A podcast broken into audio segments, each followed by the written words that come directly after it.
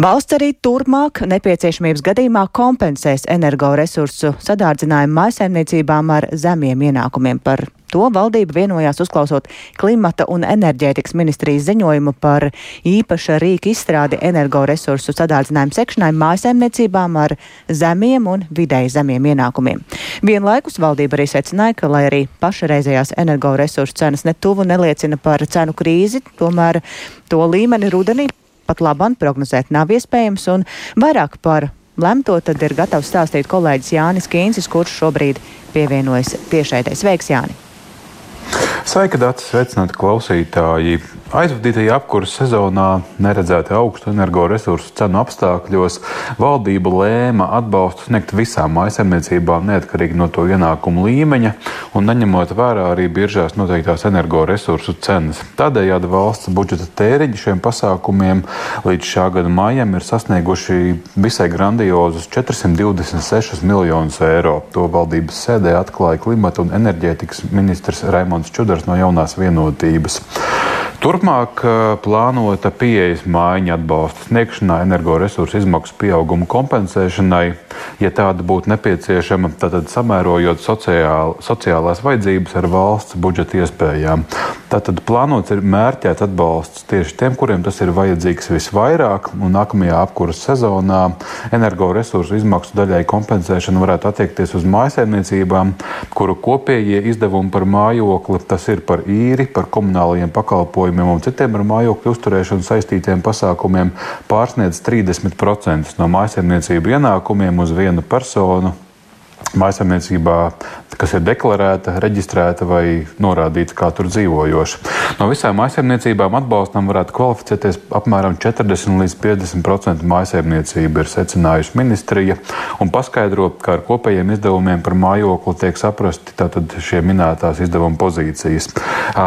Paredzot šādu atbalstu nepieciešamību, vienotā IT risinājumā ir nepieciešams apkopot dažādas informācijas sistēmas un datubāzes, ko pārvalda valsts ieņēmuma dienests, valsts sociālās apdrošināšanas aģentūra un arī pilsonības un migrācijas lietu pārvalde.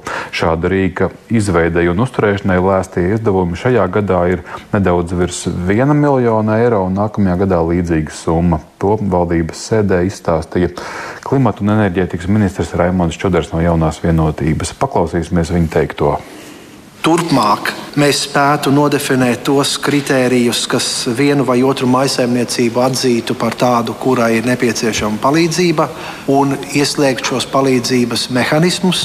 Centralizētie resursi ir pirmām kārtām elektroenerģija, gāzes piegāde un centralizētā siltuma apgāde. Gadījumā, ja notiek cenu lēcieni, mēs piemērotu, kā tas arī bija iepriekšējā sezonā, rēķinu samazinājumu attiecībā uz decentralizēto siltuma apgādes risinājumiem, malku, granulām un citiem propangāzes apkurses veidiem. Pašvaldības veica šo pabalstu administrēšanu. Sistēmai būtu, viņuprāt, jābūt daudz universālākai, kas ļautu pilnībā automatizēt arī decentralizēto energoresursu sadaļu.